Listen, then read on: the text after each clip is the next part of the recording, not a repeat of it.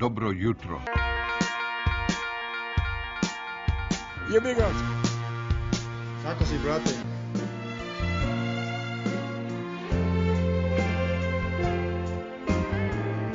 Bilo lepo.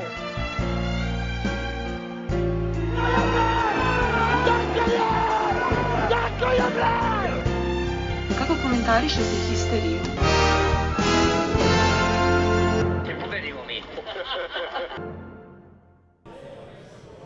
Zdravo živo grobari, Histi 3 kroz 14, ako se ne varam.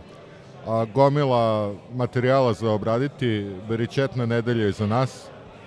A u futbolu pobede u kupu i u prvenstvu. U basketu pobeda u Zagrebačkom derbiju. Pobeda rukometaša na startu sezone. A, pobede odbojkaša, pobeda u Waterpolu. A, jedna stvar koju ćemo obraditi više u onim stalnim rubrikama je pobeda u omladinskom derbiju. I onda najava sledeće, dosta onako triki nedelje. A, imamo u futbolu prvo Gent, pa onda gostovanje u Bačkoj Topoli i basket počinje, počinjemo u Hamburgu, a onda idemo i Krki. E da, još od najava ostalih stvari mislo je broj 3 se sprema, tekstovi polako pristižu, naravno najviše kasne profesionalci koji dobro rade samo pod pritiskom i pola sata pre deadline-a, a Superfond Krava već slaže slova lagano, a Kuma podmazuje Geštetner, tako da uskoro, uskoro javljamo se. E, da iskoristim priliku i da najavim ovaj, novu sezonu Progzina 06. Koncept, Koji nema nikakve veze sa Kisterikalom. Da, da, baš nikakve. Ovaj, e, Osim što deli dva autora. Pa da, da. Tako da ovaj, koncept isti kao prethodne sezone, dakle to su programi pred utakmice Partizana u uh, Evropi, a koliko znam sprema se i program za Gent, je tako? Da, tako da, eto, grobari imaćete prilike da ovaj, osim misloja još nešto uzmete, uzmete u ruke i da čitate. Samo jedna napomena, program za Gent je zvanični program koji klub izdaje, ali neki ljudi koji nemaju veze sa klubom mu pomažu da ga pripremi, a Progzin je potpuno i autentično uradi sam neprofitna navijačka akcija, tako da samo da bude jasno. A Mislo je, odnosno Pa- Partizanov besnik je treći broj našeg fanzina koji u prvoj meri ili prvenstveno namenjen našim Patreonima, ljudima koji podržavaju ovo što radimo. Oni će dobiti taj fanzin uz još neko iznenađenje, a ovaj, nadamo se da će se postarati tako što će fotokopirati i rasturati dalje i da ljudi koji nisu Patreoni dobiju svoj primerak i da vide šta smo, šta smo to pripremili. Danas je nedelja i ja idem na utakmicu.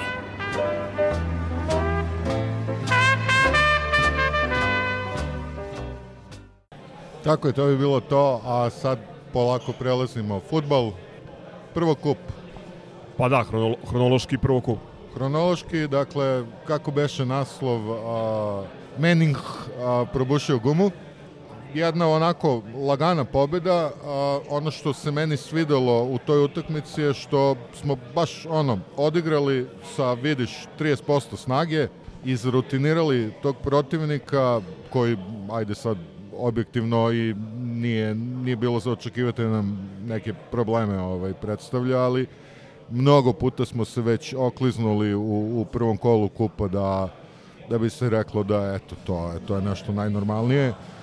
A, malo je čudan kombinovan sastav bio, ovaj, a, iz nekog razloga Stanović štedi ove mlade igrače koji su igrali za mladu reprezentaciju, tako da je neko izvadio, mislim da je Ardo Men izvadio da je prošle godine bio preko 29 na, na ovoj utakmici.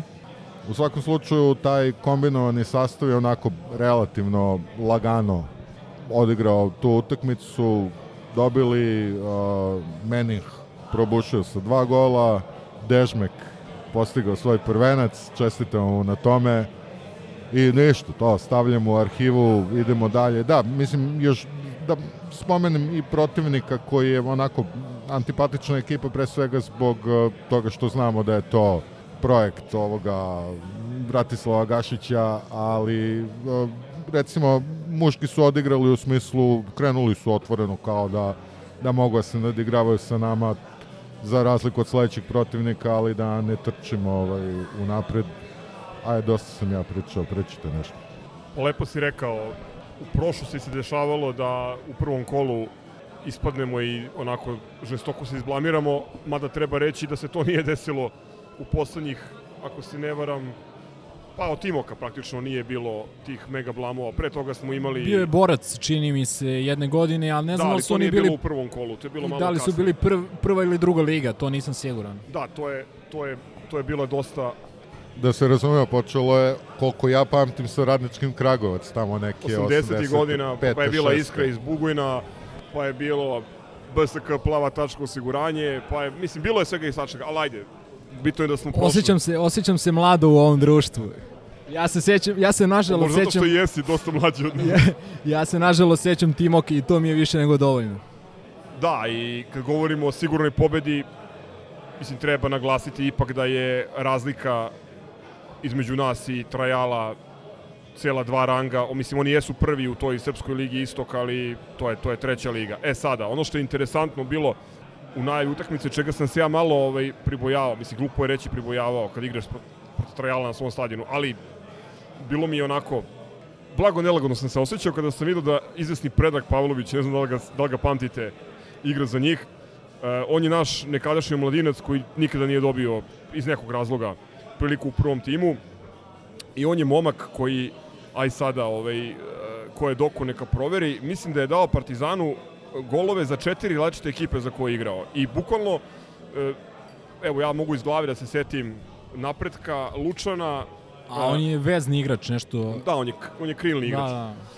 I ovaj, e, osim njega tu je bilo još par nekih igrača koji su igrali na najvišem nivou, ali koji su sada pred penzijom ili prosto nemaju šta drugo da rade vikendom, pa šta bismo drugo radili u nedelju, tako? Što da ne? Da, Menih definitivno jeste probušio gumu i definitivno jeste bio centralna figura, ako se tako kaže, utakmice. Osim njega, Živković, odnosno domaćin iz Smedereva, odnosno Dežmek, postigao prvi gol za Partizan i e, s- nakon ovoga samo još Zdjelar i Miljković se iz igrača koji su pri prvom timu nisu upisali u strelce, što je zaista impresivno.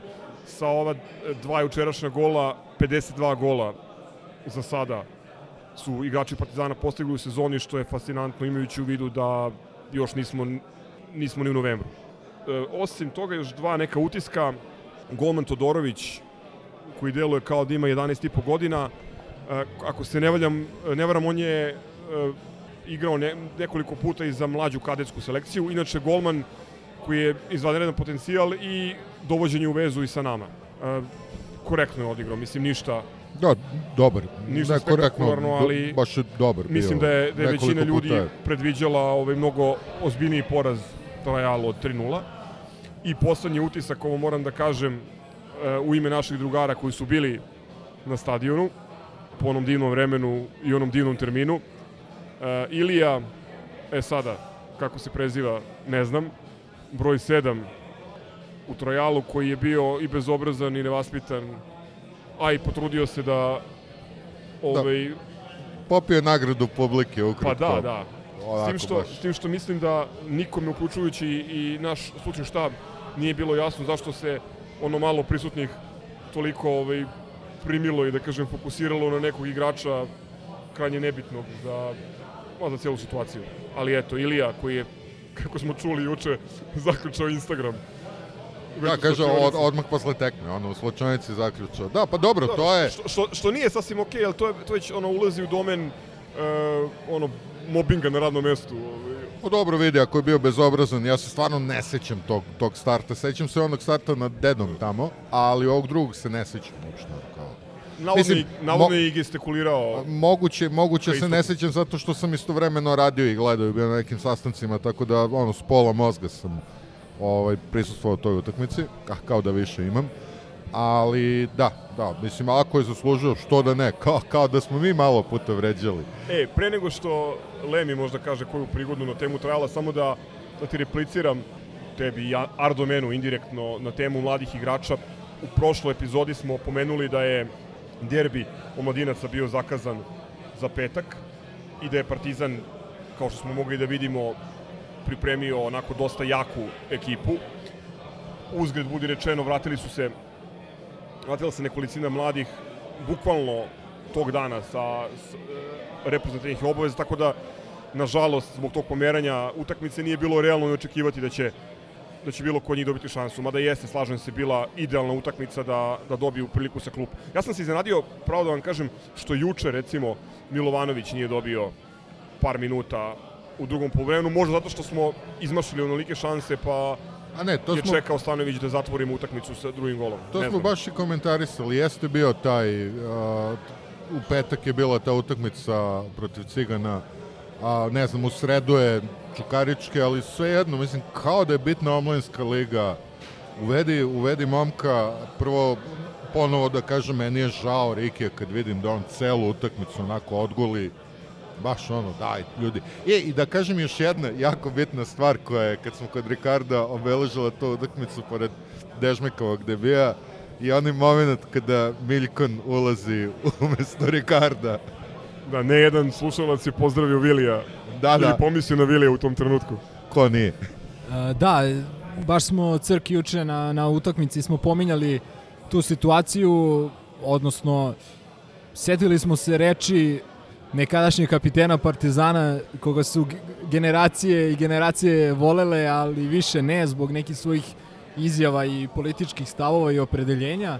E, on je jednom prilikom rekao, čini mi se Milutinov negde bio tad, da li da ono kao već ma, manje više standarda u prvom timu, ali kao možda da odigra i za juniore i on je rekao kao čekaj koja je uopšte svrha i poenta vraćanja seniora da igra da igra juniorsku juniorsku ligu ovaj a, tako da definitivno mislim da ono što je pokazala ta, ta, taj derbi ovaj omladinaca da pojedini igrači su mnogo bliži senior, seniorskom futbalu nego tom omladinskom i stvarno ne ostaje ništa drugo nego se nadamo da će dobiti odnosno da će dobijati sve više više prilika jer i građom i nekim svojim futbolskim znanjem i talentom to svakako svakako zaslužuju.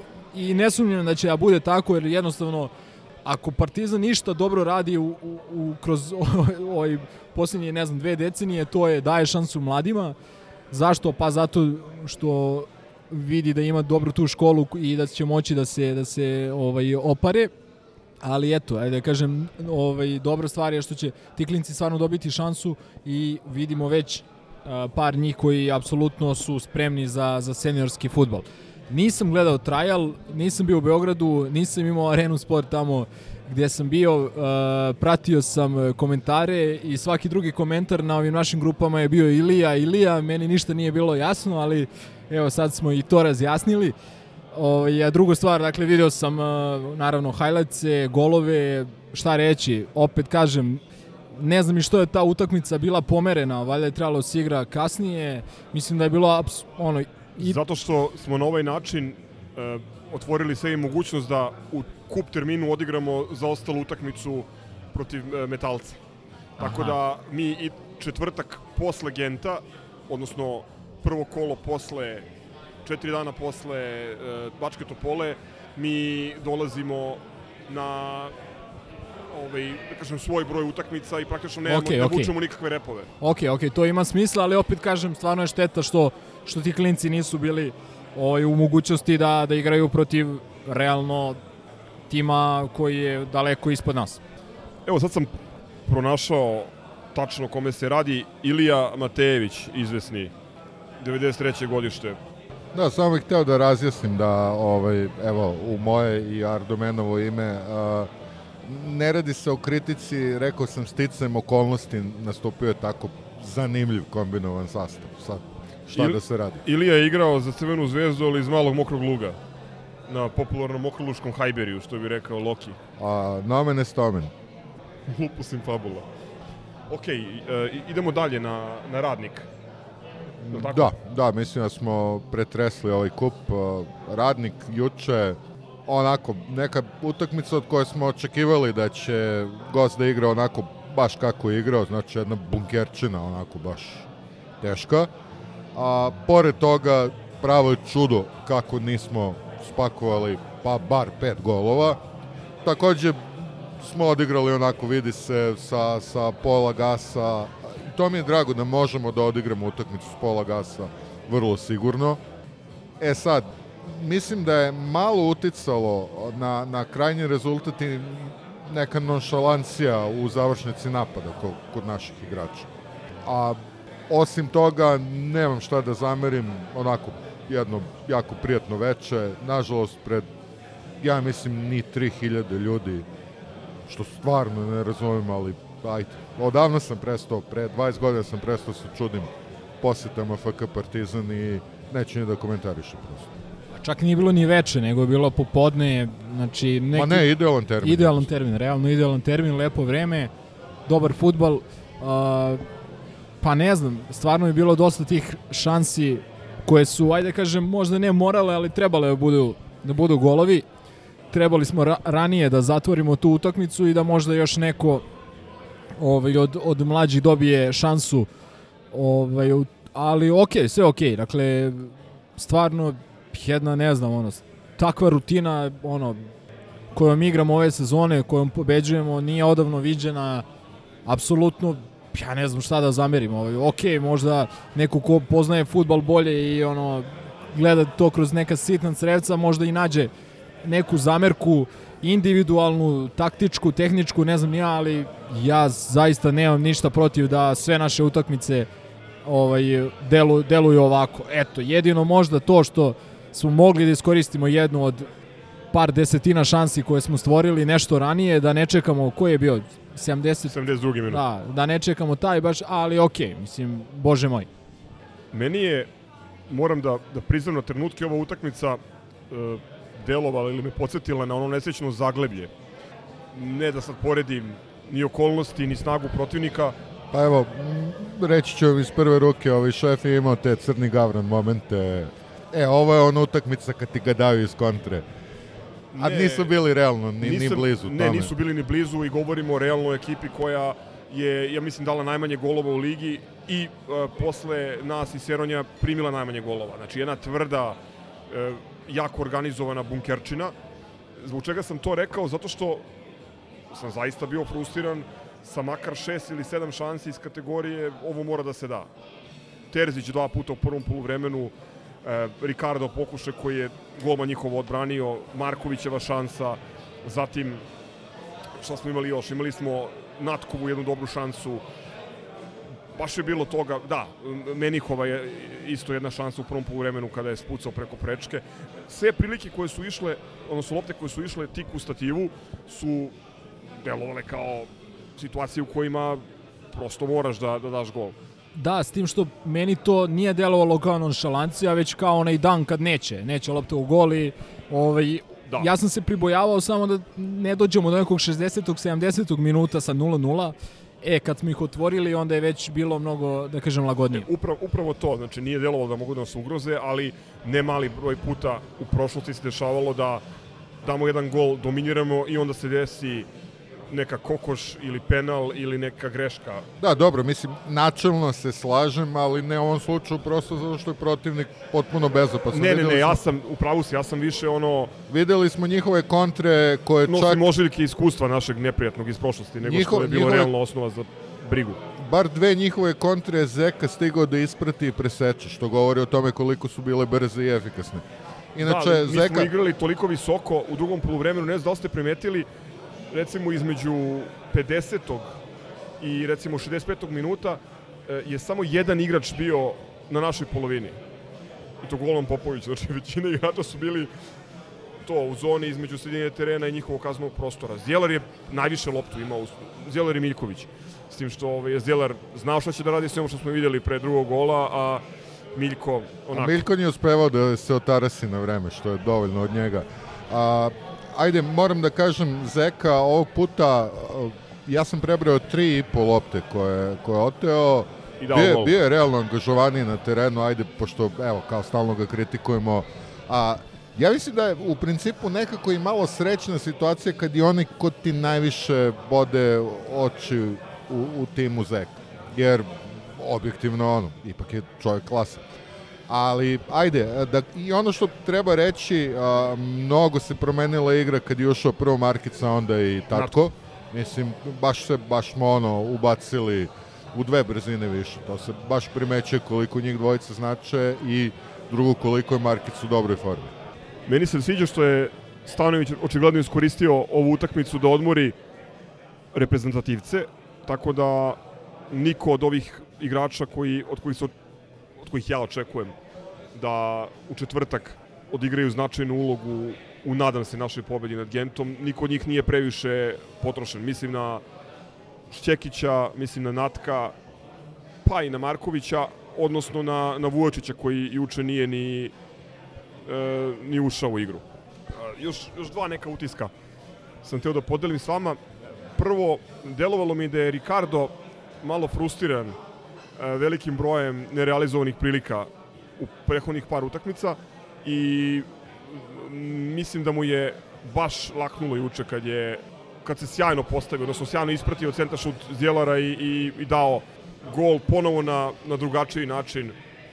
Da, mislim da je to baš bitan moment i da će jednostavno da se otkoči i nastavi. Hoću da kažem da, e, da mislim da će ovi promašaj jučerašnji da se vrate i da će na nekome da se polomi ozbiljno. E sad, da li će to da bude u četvrtak ili možda sledeće nedelje, to ćemo, to ćemo vrlo brzo saznati. To je to, mislim, šta, re, šta reći utakmica koje, u kojoj smo imali 23 šuta, sad sam proverio na gol, oni samo jedan, mislim, to je toliko jednostrano i dominantno da nema šta puno da se pametuje. Nema, Realno. nema. Ok, Kažem, onda možemo i, i da ga je- zatvorimo. Kažem da je sreća samo da svaka bude bukvalno ovakva i to je to. Čovjek, Eto. e, igrač utakmice po vama. Pa Saša Zdjel. Zdjelar. Zdjelar 3-0. 3-0, da. Dobro, Jojić je igrač utakmice u žurnalu Mozartu i Ok, stvarno ruku na srce. Vrlo, Ne, ne, vrlo solidno Jeste, utakmicu. ovaj, odigrao vrlo korektno, dao je i gol, s tim što ja opet moram da kažem da ja mislim da on ne može da igra zadnjeg veznog, recimo, u, u četvrtak protiv Genta. I, I da se nadam da, da neće igrati zadnjeg E, veznog. pa ajde baš to. Uh, imamo Gent u četvrtak. Šta da očekujemo? Da li će se dogoditi to da počnemo što s Čekića?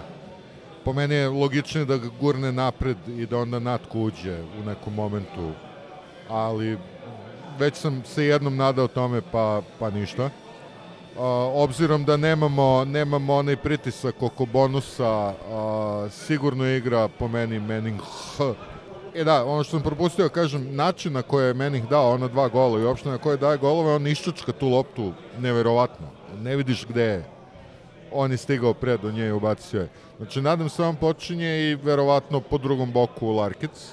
Napred, naravno, Riki, pa ajde da vidimo. To Ja je sad mislim- moje lupetanje neko. Ja mislim, očekujem Jojića. Znači, po Umesto Šćekića ili... Umesto Šćekića, da. Za, Dobro. mislim, po svemu što smo videli od starta ove sezone, trener ima ono beskrajno poverenje u Jojića i okej, za sad rezultati ne trpe i to je sve super. Vidjet ćemo. Kažem opet, čini mi se, sad bilo je juče dve teorije, da, da li Jojić igra da bi se Šćekić odmorio, a ima i druga teorija koju ja više verujem da da ga je stavio da bi se on malo rastrčao, da bi se uveo Ali rastrčavao si pred trajala. Pa dobro, eto, mislim, okej. Ne- Ja očekujem iskreno da on igra, ne kažem da bih ja to uradio da sam na mestu Stanoja, ali zato verovatno i nisam na mestu. Očekivanja od utakmice. Partizana. Očekivanja. Evo ja mogu da kažem, pošto sam malo gledao Gent, pa jedna jako čudna ekipa. U stvari, ajde ovako, pre nego što kažem par reči o Gentu, samo da podsjetim ljude, mislim, naši slušalci su gikovi što tiče Partizana i kao fanatici verovatno znaju da futbolski klub Partizan u svojoj istoriji još uvek nema ni jednu pobedu nad bilo kojom ekipom iz Belgije u zvaničnim utakmicama. Tako da je to Nije imao ni da druskim, eto. Tako je, tako je, tako da je to jedan izuzetno i nije imao pobedu na Kipru jako dugo, tako da je to još jedan ovaj neprijatan rekord koji možemo da oborimo ove sezone, odnosno već, već u četvrtak. E sada, ovaj, za razliku od nas, ovaj Gent igra neviđeno promenljivo i meni oni deluju na osnovu onoga što sam ispratio ovaj, od ono, Jupiler Pro i, i nastupao u, u Evropi, da su onako žešća domaćinska ekipa. E, u kvalifikacijama recimo su izgubili od dva objektivno dosta slabija protivnika. To su Valerenga i onaj Rehov ili Rahov, to je neki poljski klub koji se iznenada pojavio, ni otkuda koji ih je dobio 1-0 u Poljskoj. Mislim, nije, nije dominirao, ali ih je pobedio, tako da to govori, govori dosta. E, a u, u domaćem šampionatu jako onako jako čudni rezultati. S jedne strane, mislim da su 14. na tabeli, juče su dobili Eupen koji je pri vrhu, ali e, jako čudni rezultati. Recimo, dobili su klub Briž 6-1, rastorili su ga, pričamo je klub Briž njima jedan od najvećih rivala, a recimo izgubili su od famoznog Charloa i od Kortrika koji su objektivno dosta slabiji od Briž. Igrali nerešeno sa Anderlektom, znači vrlo onako neobična ekipa. I negde su u donoj, donjoj polovini tabele. Ovaj, Pa mislim da su 14. pa da. Imaju, evo sad gledam, da, četiri pobjede, dva nerešena i pet poraca. I gol razlika e, 18-13. A to je generalno vrlo čudna liga, ali ovaj stvarno taj njihov učinak opet kažem, ne znam, prošle godine smo imali onu nesrećnu situaciju sa Charlom koja je do nas pobedila sve, bila prva na tabeli posle toga je usledio pad, tako da Da, ali pošla, izvini, ali pošla sezona je, mislim, nije reper ni za što, pošto se igrala jedna utakmica i ja mislim da se igrao, da se igrao revanš da bi mi ne. izbacili. Ne, ne, kažem samo, kažem samo da to što su oni trenutno 14. ne mora apsolutno ništa da znači. Samo je u, isto, u tom smislu ovaj, poredim ja sa imam- prethodnom ja sezonom. Ja imam predlog ovako, mi njih puknemo sad kod kuće, njima uđe voda u uši, ovaj, onda ih dobijemo i tamo i eto, lepo. Plasiramo se direktno, De šta facto, bi nam falilo? ova, ova utakmica može da nam otvori vrata proleće u Evropi. E, o- to sam samo da kažem još par stvari ovaj, u vezi njihovog, njihovog sastava. Isto onako neobičan sastav, e, čak 10 reprezentativaca 10 različitih država.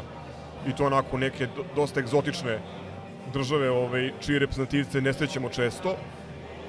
E, takođe, oni su prošle godine bili u grupi sa Komšilukom, ali tu ih je upropastila korona. Mislim da ovaj, od ovih igrača koje ćemo sutra gledati, ve- većina nije, nije nastupala, plus Jermolenko koji je bio glavni igrač i špic, njega su prodali, prodali u Benfiku. Dva interesantna igrača u njihovom timu koji su, što bi se reklo, stari znanci. A, Prvi je ovaj, od Điđe Ofoe, on je kapiten E, njega smo imali prilike da e, sretnemo u dva, e, u dve situacije, dva navrata. Ne znam da li se sećate, ajde da vas pitam sad ovako iz prve, sećate? Znači, prvi put je bio strelac jednog od golova za Briž one sezone e, 2009 e, 2010 kad smo igrali Ligu Evrope a drugi put je igrao za ne, igrao za Olimpijakos tako da ovaj eto u dv- u dve situacije je bio i već bio na JNA a drugi, druga osoba koja je stari znanac je Darko Lemajić o njemu smo pričali čak i u prošloj sezoni ovog podcasta to je onaj Jablan koji igra za Indiju, Napredak i još par lokalnih klubova koji je bio u onoj školi futbala iz Rige. E, šta se desilo? E, Gen- Gent je igrao sa školom futbala u kvalifikacijama i pošto su prodali napadača, ovaj im se svideo jer je pravio velike probleme.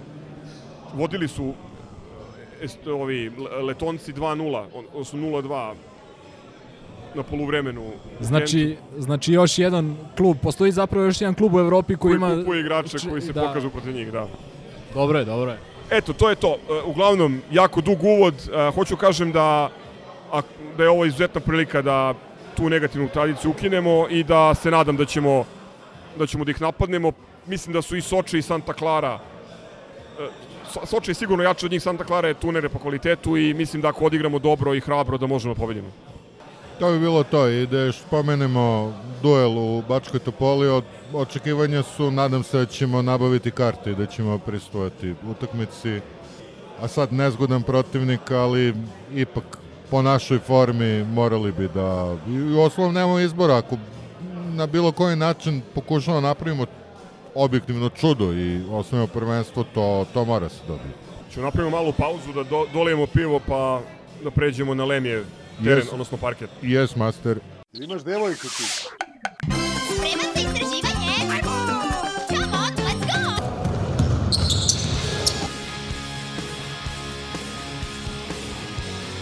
Just gonna go out, get my blood, sweat, and tears.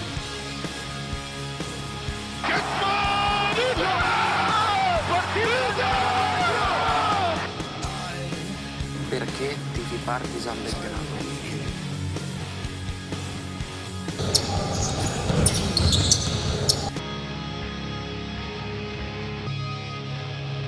Mogu samo još nešto da kažem o ABA ligi. Yes, sir. Dok u pozadini ide futbolska tema, ovaj, mi prelazimo na košarkaše, to jest na Lemzivo Sabijan, ali igralište. ne za Premier ligu, nego za Lemija i Doru. Za, za, za Lemivo igralište, a, dakle imali smo derbi Zagreba, dobili smo ga. Evo ja ću samo jednu minut svojih utisaka prema što pustim ove eksperte da, da se razmašu. Moji ovako laički utisci od gledanja i to samo drugog poluvremena. Prvo nisam gledao, nisam bio mogućnosti, a reprizu nisam gledao jer a, ajde nemam ni ja devojku, ali imam ženu najbolji, najpozitivniji utisak, osim onog, naravno, da je Željko Obradović trener KK Partizan, koji je, ono, uvijek prvi, prvi utisak i, i dalje se svaki put uštinem. A najbolji utisak je odbrana, tu smo stvarno, stvarno baš na visokom nivou. Napad vidi se da još malo škripi ta realizacija, a igrač utakmice, bar ovoga što sam ja gledao, definitivno Zaharije Zakladej, a rezervni Rašika, Zaharije, Zaharije, košarkaški genije. tako da, ove, ili onaj igrač, kako kaže onaj naslov, a, uvalili Željko Škart. Dakle, Škart iz Milana. Škart iz Milana razbija i ajde da, da ne bih a, duljio, samo još jedan moj utisak, a to je da, da kapiten rade i onako u nizu sasvim solidnih utakmica i da mi je to baš drago. Eto, ku, kud sam udarao. A sada Lemzi. Slažem se, još jedna u nizu utakmica koju smo dobili pre svega dobrom i što, što kaže ono angažovanom igrom u odbrani. Stvarno smo, ne, ne znam, ono, uh, par puta smo im ukrili loptu još na ono, uvođenju lopte, na prenosu, Uh, nekoliko puta nisu uspeli da šutnu na koš za 24 sekunde, nekoliko puta nisu uspeli da prevedu loptu za 8 sekundi uh, i tako dalje.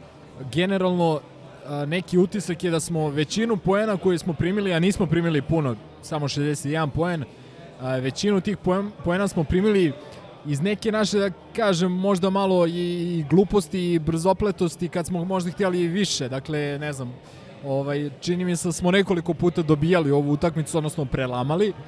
Otišlo se na, na kraju prve četvrtine sa plus 11, posle je bilo i plus 14, pa smo sa posljednja dva i po minuta prvog poluvremena bili bez koša i napravili smo nekoliko bez veze faulova, slali, slali smo ih na liniju slovnih bacanja i Gegić daje trojku što se dešava jednom u nikada i umesto da odemo sa dvocifrenom... Maestro. Da, možeš misliti. Uh, I umesto da odemo sa dvocifrenom razlikom, otišli smo samo sa plus 4 na, na ovo poluvreme. Posle treće četvr, četvrtina, a, Smajlagić je ponovo ušao one svoje žute minute, problem sa ličnim greškama, brzo je napravio tri lične, posle ga je Željko čuvao. Treću četvrtinu smo otvorili, igrali dobrim delom a, sa Koprivicom na pet i to je jednostavno, ajde da kažem da smo te minute, možda će ružno zvučati, ali ono, preživeli ovaj, odigrao je korektno Koprivica, ali nismo us- uspevali da napravimo prednost. Tek posle, dakle, ovaj, pred kraj treće četvrtine, mislim da smo vezali dve trojke i četvrtu četvrtinu smo onako izrutinirali. Stvarno je neverovatna lakoća sa kojom Željko vodi utakmice i privodi ih kraju onako na pravi način. Ovaj, apsolutno Ledeji figura broj 1, počelo je onim njegovim coast to coast zakucavanjem uz faul, a, posle je davao koševe na sve mo moguće i nemoguće načine, nešto kao Ricardo u futbolu. I jedan od najboljih trojkaša u ligi, Da, da, trenutno. da. A, sad je do duše malo pokvario, sad je 7 od 9 ovaj, za 3. Timski smo dobri, za uh, čet- 40, čini se nešto preko 40% za 3, što je okej, ali i dalje je taj utisak, kao što si Crk rekao, realizacija, otvorene trojke iz, uglo, iz ugla, a, još a, ne realizujemo na zavidnom nivou. Panter uvek izmisli neke svoje poene, Mur takođe, ponovo je mogu slobodno kažem prelomio utakmicu sa ne znam dve tri trojke iz ono iz nemogućih situacija a i čini mi se da to zapravo i jeste njegova osnovna uloga u ovoj ekipi. Dobra stvar mi je što deluje ajde da ne ureknem, ali za sad od ovih, ne znam, 10, 11, 12 igrača koji se skida i koji, koji igraju, ne postoji ni, ni jedan igrač za koga se može reći da je potpuno promašen i da mu potpuno ono da se traži i dalje. Znači svaki ima neku svoju ulogu. Ok, od nekih očekujemo nešto više. Panter je šutirao 1-7 za 2, a, ali treba, kao što je i ne znam, u prva dva kola nije mogao Maltene pogoditi trojku, ali to je sve normalno. Čovjek je imao povredu ramena, propustio je veći deo priprema i sve će to da dođe. Me, ono što moram da pohvalim, a, njegovu, njegovo angažovanje u odbrani. Ja sam imao, bez obzira, Željko, trener, sve to lepo, sve to super, ali kad dođe neko a, sa nivoa Final Fora Evroligije na nivo koji on smatra u tom trenutku nižim, dakle Evrokup, ABA Liga, ja sam imao neku bojazan kako će se on ovaj ponašati, a, jer objektivno on je uz Ledeja najkvalitetniji igrač u ekipi i najbolje plaćeni. I sa takvim igračima uvek postoji neka zadrška, jednostavno ne znaš, prosto ne znaš kako će se kako će se ovaj postaviti. Po meni se on postavlja fenomenalno, fenomenalno. On je već veći deo utakmice u odbrambenom stavu, uh, iskače na pressing, uh, trči po čitavom terenu, dakle stvarno moram to da pohvalim, a njegov šut će da dođe. Tu apsolutno nemam nikakvo, nikakvo, nikakve dileme. Šta da kažem posle ovoga? Balkanski klasik, jel ga tako zovu? U suštini ove godine, posle jako dugo vremena, susret u kome se nije očekivalo da ćemo da ih razvalimo 30 razlike bez problema, šta više ono uvod je bio onaj poraz na, na, kup, na onom Liburnija kupu Opatiji, tako da... Da, i če, izvini, i 4,5 minuta bez koša otvaranje naše.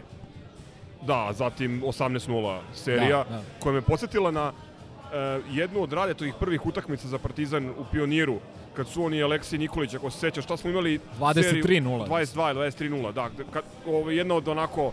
Jedna od prvih trinkerivih utakmica. Jedna od onako inspirativnijih nastupa radetovih koje pamtim u, u našem dresu. Elem, meni je ovo delovalo, aj sad ovako se ukupno posmatrajući, delovalo mi je kao utakmica stare Jugoslovenske lige, odnosno ozbiljna košarkaška utakmica, ne kao sparing tre, ovaj, trening ili, ili ono ABA ligaško zezanje uz koje možeš da zaspiš. Delovalo je kao zanimljiva utakmica. Iako Partizan realno, osim u dve situacije kad je Cibona napala, a mi malo zapagovali, Partizan je totalno kontrolisao utakmicu od početka pa do kraja.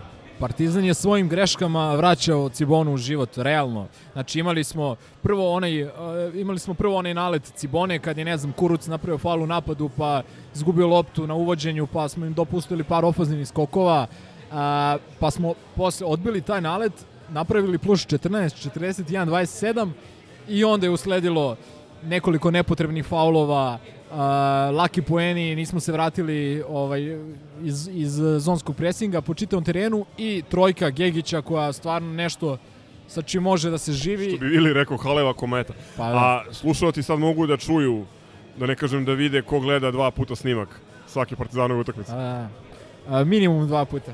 Jel imaš devojku ti?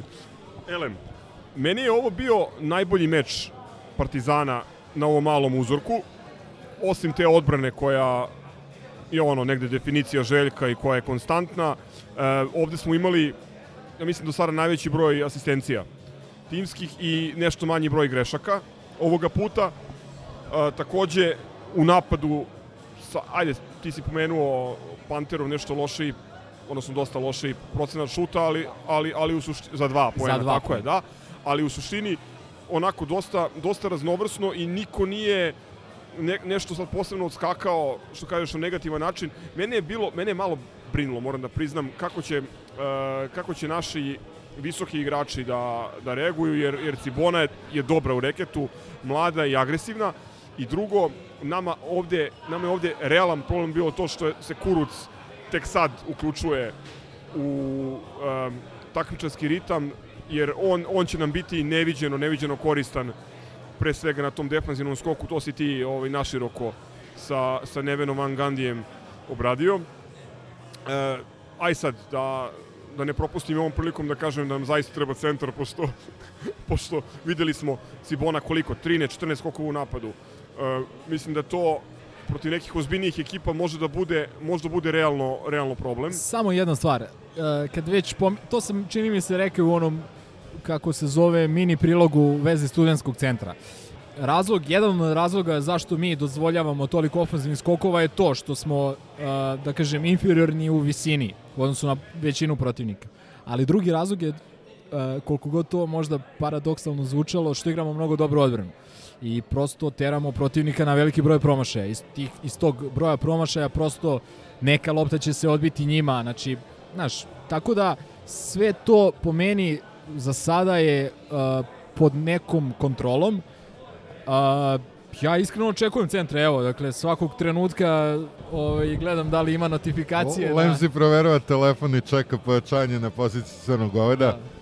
I još jedna stvar u vezi upravo te odbrane protiv visokih igrača, baš sam sa Nevenom pričao, Nevenom Van Gandijem, pričao pre utakmice i on mi je rekao da očekuje mnogo više preuzimanja nego a, u prethodnim utakmicama da bi neutralisali Riversa koji je fantastičan šuter, a, njihov visoki igrač i to je stvarno bio slučaj u većem delu utakmice smo igrali igrali switch odbranu. I da, imali smo realno sreće da su i uh, ok, Prkačin je brzo napravio faulove, a Gindić se povredio, ovaj, tako da je praktično u prvom poluvremenu. Ne, hoću da kažem da da su svi bili spremni i u igri mogli bi mnogo više da kombinuju i mi bi se teže ovaj, vjerojatno privikavali na to. Pa znam, ali pogledaj koliko je igrao Smajlagić, koliko minuta, a pogledaj koliki mu je bio plus minus. A imaš imaš neki osjećaj da nije odigrao dobru utakmicu, a čovjek imao najveći plus minus u, u našoj ekipi. Pa imam osjećaj nije odigrao dobru utakmicu zbog loše selekcije faulova. Pa, tako je.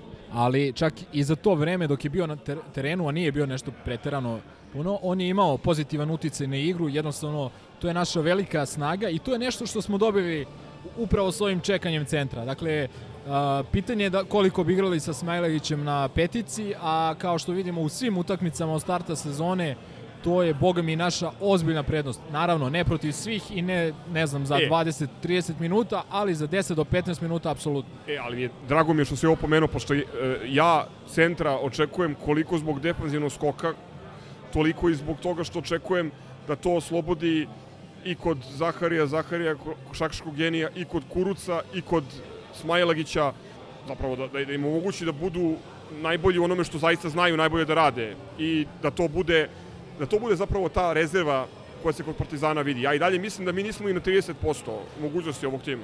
A, ne samo kod njih, nego novi centar, nadamo se da će bude kvalitetan, a, će doprineti i igri playmakera, postavljanjem boljih blokova, pravovremenim blokovima, tajmingom i tako dalje ali boga mi i Balši Koprivici što smo i pominjali kroz kvalitetni trening. Za trening, da. da. Tako da...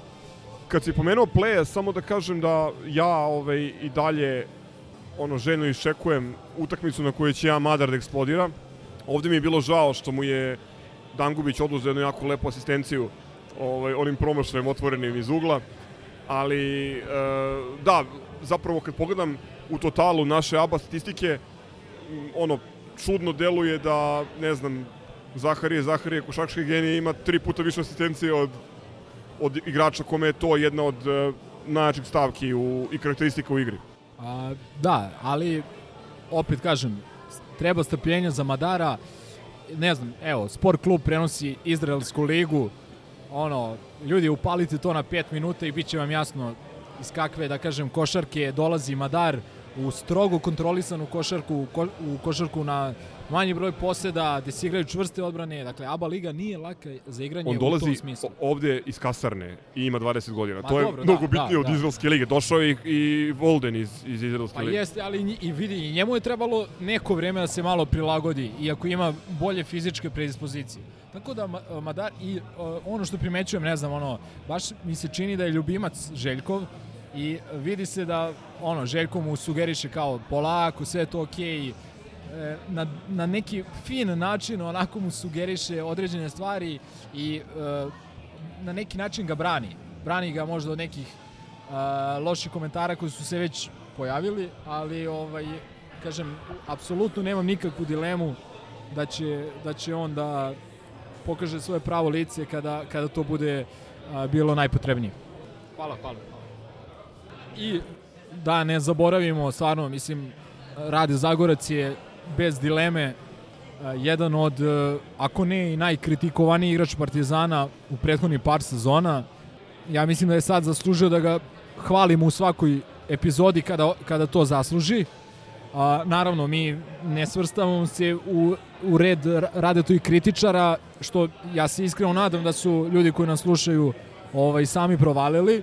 Mi verujemo u njegov potencijal i njegov kvalitet, a, ali mislim da je zbog ljudi znači, koji ovo slušaju, a koji verovatno slušaju sa strane i gomilu negativnih komentara njegovu igru, mislim da je red da ga pohvalimo kad god to zasluži, a i te kako je zaslužio.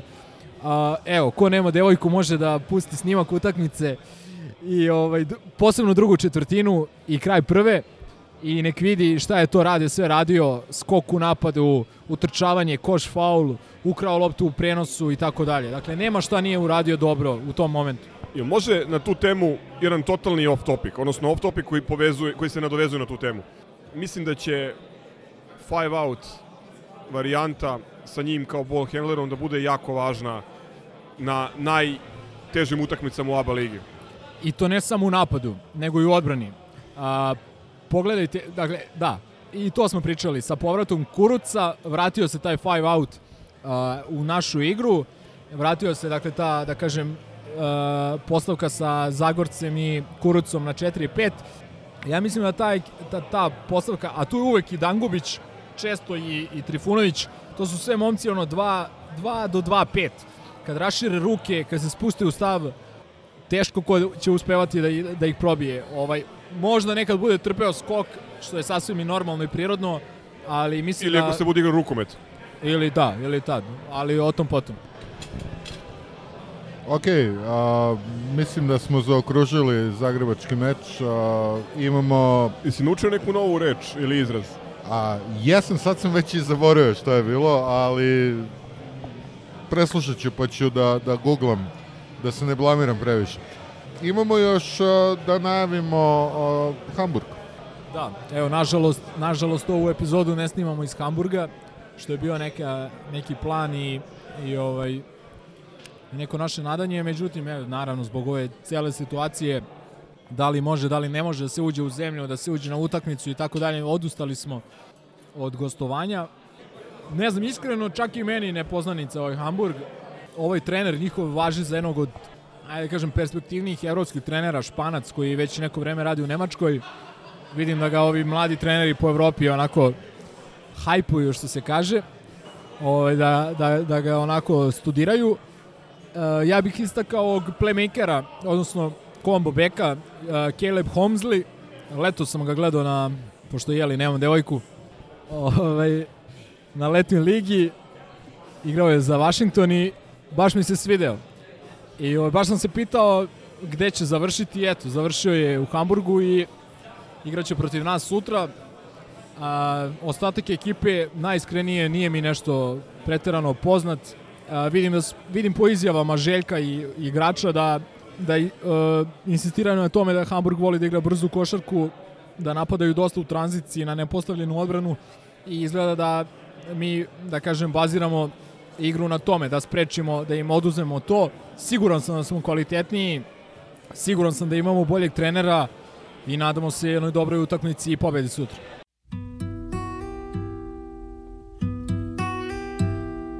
Dakle, to su već 20 godina, ja mogu brata nisam videla očima. Ne, samo radi partizana, jer mene od partizana niko ne može da rastavi. Jedino smrt. A onda će mi biti teško što ga više neću gledati. Ok, prelazimo na manje sportove. Pomenuli smo pobede u odbojci, pomenuli smo vaterpolo, a ono na čemu ćemo se zadržati je rukomet, pa šef koji je to gledao preuzima mikrofon. Pa da, ove, EHF se vratio na banjicu i to posle kraće pauze, a zapravo ovaj, e, samo napomena ljudima, e, ovo je jedno od tri takmičenja, zapravo četiri, pošto imamo i kup koji ćemo igrati ove godine. Igramo Arkus domaću ligu, igramo Seha ligu regionalnu, igramo e, EHF-ov evropski kup i igraćemo kup. Srbije. Prvi protivnik Partizana u drugom kolu Evropskog kupa EHF je nešto što se zove Berčem. Evo, da priznam, nikad nisam čuo za njih pre ovoga. Luksemburžani su u pitanju simpatična ekipa koju smo rutinski dobili onako malo sporiji start, ali vrlo brzo su nam upali u mašinu i um, delovalo je zapravo pre svega je delovalo da našim igračima izuzetno godi uh, nešto punija sala i, i dobra atmosfera. Jer za razliku od Arkus lige koja se igra pred na domaćem terenu, nažalost, pred manjim brojem ljudi, uh, ovde je ovaj, podrška, podrška bila sjajna. Možda ne na nivou onog Gudmea, Nide Virzbaha i, i onih epskih utakmica iz druge polovine 90-ih i početka 2000-ih, ali, ali ipak sjajna atmosfera i svi naši igrači su u izjavama posle utakmice naglasili to kako im je neviđeno puno značila podrška sa tribina. 33-22 konačan rezultat, 11 golova, mislim da je zaista više nego dovoljno za plasman dalje, posebno zato što mislim da ovaj Berčem dosta slabija ekipa od nas. O, ovo ovako dajem sa nekom ogradom, pošto smo u poslednjem, e, to je kup izazova, čini mi se da smo igrali, dobili smo neke pince na banjici relativno lako, a onda ne znam ni ja kako ovaj, u, u gostima izgubili. Elem, ovaj, dosta simpatično takmičenje, preporučujem ljudima, ajde sada vam ne spojlujem, da odu na, na, na, na vrlo kvalitetno urađen sajt EHF-u i da pogledaju e, ekipe koje su koje su u konkurenciji i u opticaju ovaj, za, za, za dalje rivale kada prođemo u drugo kolo. Onako, baš ima koloritnih... Egzotičnih, da. Da, da, vrlo, vrlo egzotični, koloritni klubovi od nekih koje znamo, ne znam, recimo Ska Minsk je tu u konkurenciji, do nekih ono do nekih uh, kiparskih klubova za koje nikad nisam čuo, nekih grčkih klubova. Tako da, ovaj, bit će simpatično. Sad nam fali Vili ovde sa svojom svojim hot take-ovima o evropskom rukometu. da, morat će da sačeka Vilijevo dolazak. Ozbiljnija analitika ovaj, EHF-ovih takmičenja.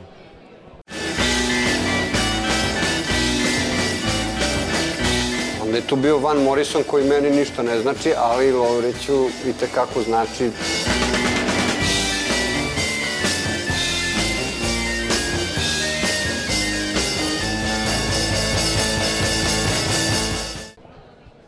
Dobro ljudi, ostalo nam je još redovne rubrike. E sad, ono, zlatna štoperica, ja mislim nepresušan izvor a, za ovu zlatnu štopericu je bio već pomenuti derbi u omlenskoj konkurenciji koji smo dobili 2-0 i tu, tu možemo, ja mislim, baš onako dodeljujemo nekoliko zlatnih štoperica raznim medijima. Prvi je Ružnal koji je najvišu ocenu za igrača utakmice zapravo proglasio naše golmana. Jer su oni očigledno imali hiljadu šansi, a mi samo dali dva gola. Znaš šta je naj, e, najsmješnije od svega? Što oni jesu imali neke šanse i Đorđe Mihajlović jeste branio dobro ali e, da na utakmici... Zna se, zna se šta je kad je golman igrač utakmice. Tako je.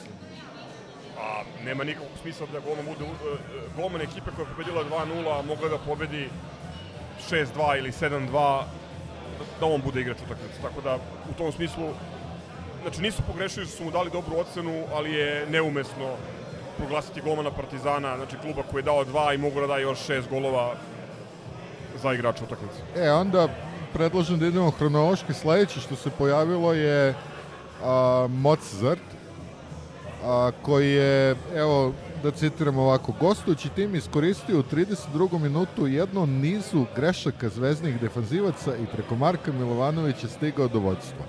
Dakle, ako ste videli onu akciju sa 10 dodavanja u kojoj učestvuje 7 igrača i a, jasno vam je o kakvoj se još jednoj u nizu greški odbrane radi. A, tako da, ono, mislim... Ovo je, ovo je spektakularno maderašanje. Mislim da e, posle ovako, ovako nečega e, ostaje samo da se čovjek zapita šta bi tek radili da ne postoje YouTube, ono mobilni telefoni, A da to ne je- postoji mogućnost da se snimi i da značajan broj ljudi nije gledao u lajvu ili u odloženom snimku ovu Ali to utakmicu. nije, to je namenjeno a, publici Severne Koreje, koja to nije videla i jednostavno jasna je ta namera. Znači, Ne, ali ovo nije, ovo nije Mozart sport za severnokorejsko tržište ili kenijsko tržište, nego Mozart sport za domaće tržište, Pa to je severnokorejski medij, mislim, ali molim. pretpostavljam da je većina ljudi koji prate taj portal dovoljno informatički pismena i zainteresovana da ako ih interesuje vest omladinskom derbiju, da su pogledali ako ne celu utakmicu, makar highlights i da su videli. Mislim, hoću kažem da ovo pre svega utiče na reputaciju koja nije sjajna u startu.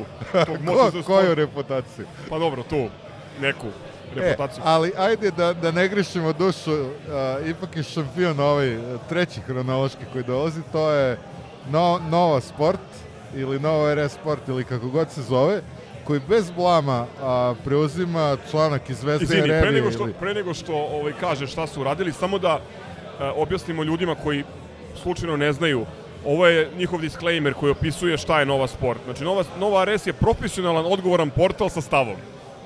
E, dakle, profesionalan odgovoran portal sa stavom je preuzeo jedan na jedan izveštaj sa, valjda, ciganskog sajta zvaničnog, a, u toj meri a, da piše, citiram, imao je Marinković posla i u 78. minutu kada je Vlahović posle kontre pretio, ali je naš čuvar mreže refleksno reagovao i sjajno odbranio.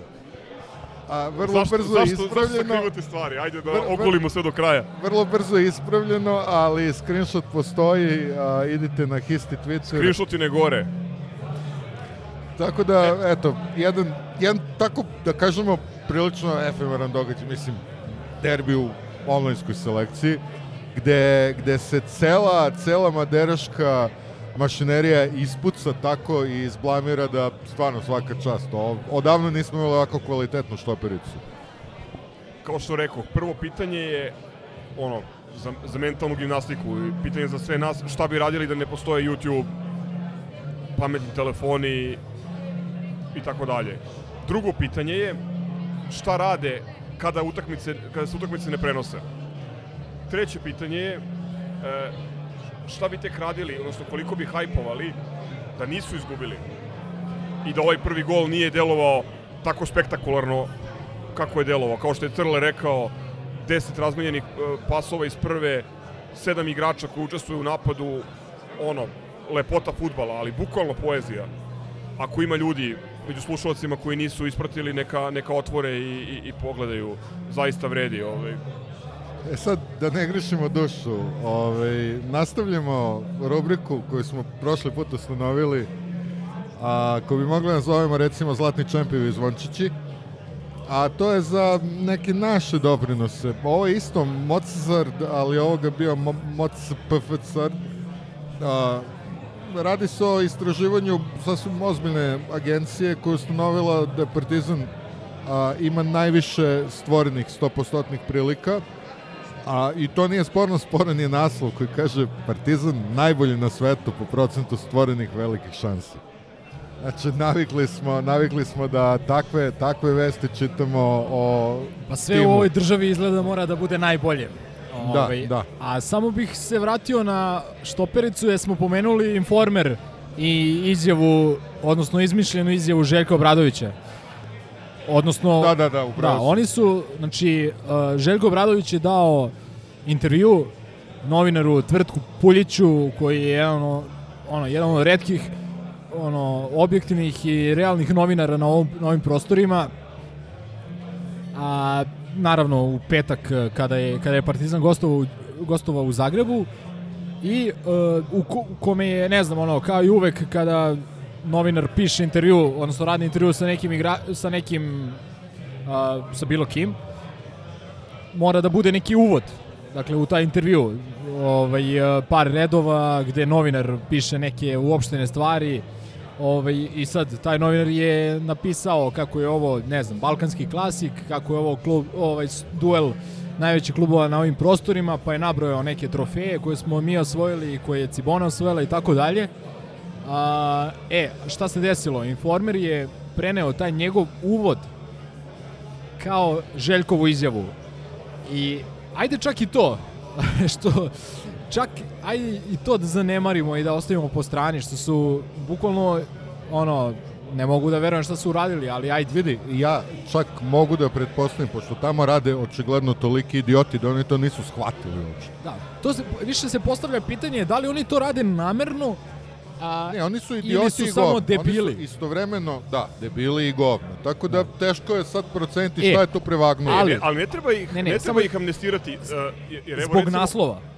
Ne treba ih amnestirati uh, kao to neznanje i tako dalje. Postoje ne ljudi... amnestiraš nikoga za koga si rekao da je istovremeno debil i govno. Samo pokušavam da, da procenim Mislim, šta mislim je. da je mnogo ozbiljnije, uh, ozbiljniji problem ako postoji loša namera, a ovde postoji jer recimo konkretno taj... U Informeru postoji loša... Ajde, molim. Uh, ne, ne, Nemoguće. vra- vraćam, vraćam priču na ovaj portal, profesionalni portal sa, sa stavom, uh, gde u redakciji koja bi trebala da bude drugačija, otvorena, profesionalna, postoje makar dva ono prononsirana navijača ovog drugog kluba koji ne koriste, Ja odnosno ne pretpostavljam- propuštaju ni jednu priliku da pišu loše partizane. Ja pretpostavljam da je Ili isti da prenose, čovjek... izvini, da prenose vesti direktno copy-paste sa zvaničnog Ne, ja, ja čak verujem da je isti čovek to, da on jednostavno radi za klub i eto, i za novu RS jer je zgodno. Ne, mislim, apsolutno, bar što se tiče Partizana i pozicije Partizana u medijima, možemo stavimo znak jednakosti između svih uh, medija u Srbiji, bilo sportski, bilo politički, bilo pozicionih, opozicionih šta ti ja znam. Apsolutno i nažalost. I to je ono, a, ono što najviše brine. Znači, jedina stvar gde, gde su vlast i opozicija u potpunosti saglasni je kad treba progurati ovaj Da. stup srpstva. Ali šta sam teo da kažem samo za ovaj Informer, uh, to, kažem, uh, ne bi me čudilo da nekad iz svoje gluposti uh, i ono debilnosti uh, provuku tako nešto nehotično ali oni su izvukli naslov iz tog, da kažem, iz tih par redova izvukli su naslov Željko omalovažava zvezdu. Tako što kaže ono što je činjenica, što je tačno, da su Partizan i Cibona najveći klubovi na, na ovim prostorima. A da Zvezda ne postoji. A Da, koju zvezdu? Se E, i, i samo još jedna stvar, znači imajte na umu da se radi o jednom od medijskih sponzora Čovićevog kluba, tako da, mislim, logično je, jeste smešno, slažem se, ali, ali je istinito. E, imam jednu prijavu iz kategorije slušalci javljaju, ovo, ovo vam nisam pokazao, ali je beskreno duhovito. Radi se o portalu Republika, ne znam da ste čuli za taj portal, to je jedan od spin-off ovaj, digitalnih izlučevina Srpskog telegrafa. Naslov ide ovako. Prodao veru za večeru, dve tačke. Partizanov mađoničar iznenadio čitavu Srbiju i prešao u Crvenu zvezdu, znak uzvika. E, ajde sad da vas pitam da li, da li imate blagu ideju o čemu se radi. Big Lale možda, ne znam. Big Lale. E, radi se o prelasku Miloša Bosančića koji se desio 2014. godine. koji su oni primetili A to je 17.10.2021. ru- rubrika Vremeplov. Ne, znači ovo je klasičan E, clickbait bez Iskreno, ono... nemam ništa protiv da više takvih mađioničara prelazi, prelazi kod njih. E, imam dobru priču za njega, dobru anegdotu kad igrao za juniore, ali to jednom drugom prilikom. E, imamo takođe posle kraće pauze i e, rubriku Kutak za ništa sporno trenutak. Opet su slušalci e, javili, odnosno sugerisali da e, izdvojimo situaciju kada je e, pri rezultatu, ako se ne varam, 0-5 u Lazarevcu Seronjama sviran faul za nešto što ne da nije bio faul, nego Da, ono je presmešno stvar. ne, ono je Benny Hill, samo ona muzikica palila u, u pozadini. Mislim, zašto im je neophodno da, da se iživljavaju Mislim, Treba vidjeti stvarno. ko je bio sudija, pa Dobro, kutak za ništa sporno. I samo još jednu stvar imam da kažem za ovu epizodu.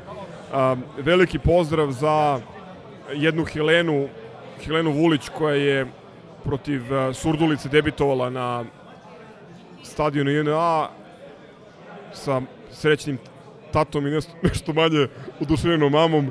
A, ništa, ono, to mi je jedan od najupečatljivijih utisaka sa jučerašnje utakmice i nadam se da ćemo se svi zajedno još puno puta viđati na stadionima i radovati. Crnogora voli Partizan.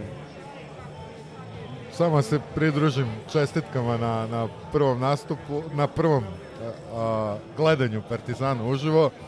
Od želje čestitke pozdrava ja imam da pozdravim a, ostale Founding Fathers a, Histi podcasta koji nažalost nisu mogli da nam se pridruže neki opravdano, neki sa razlogom, neki su nas prosto izignorisali, ali braće volimo vas sve.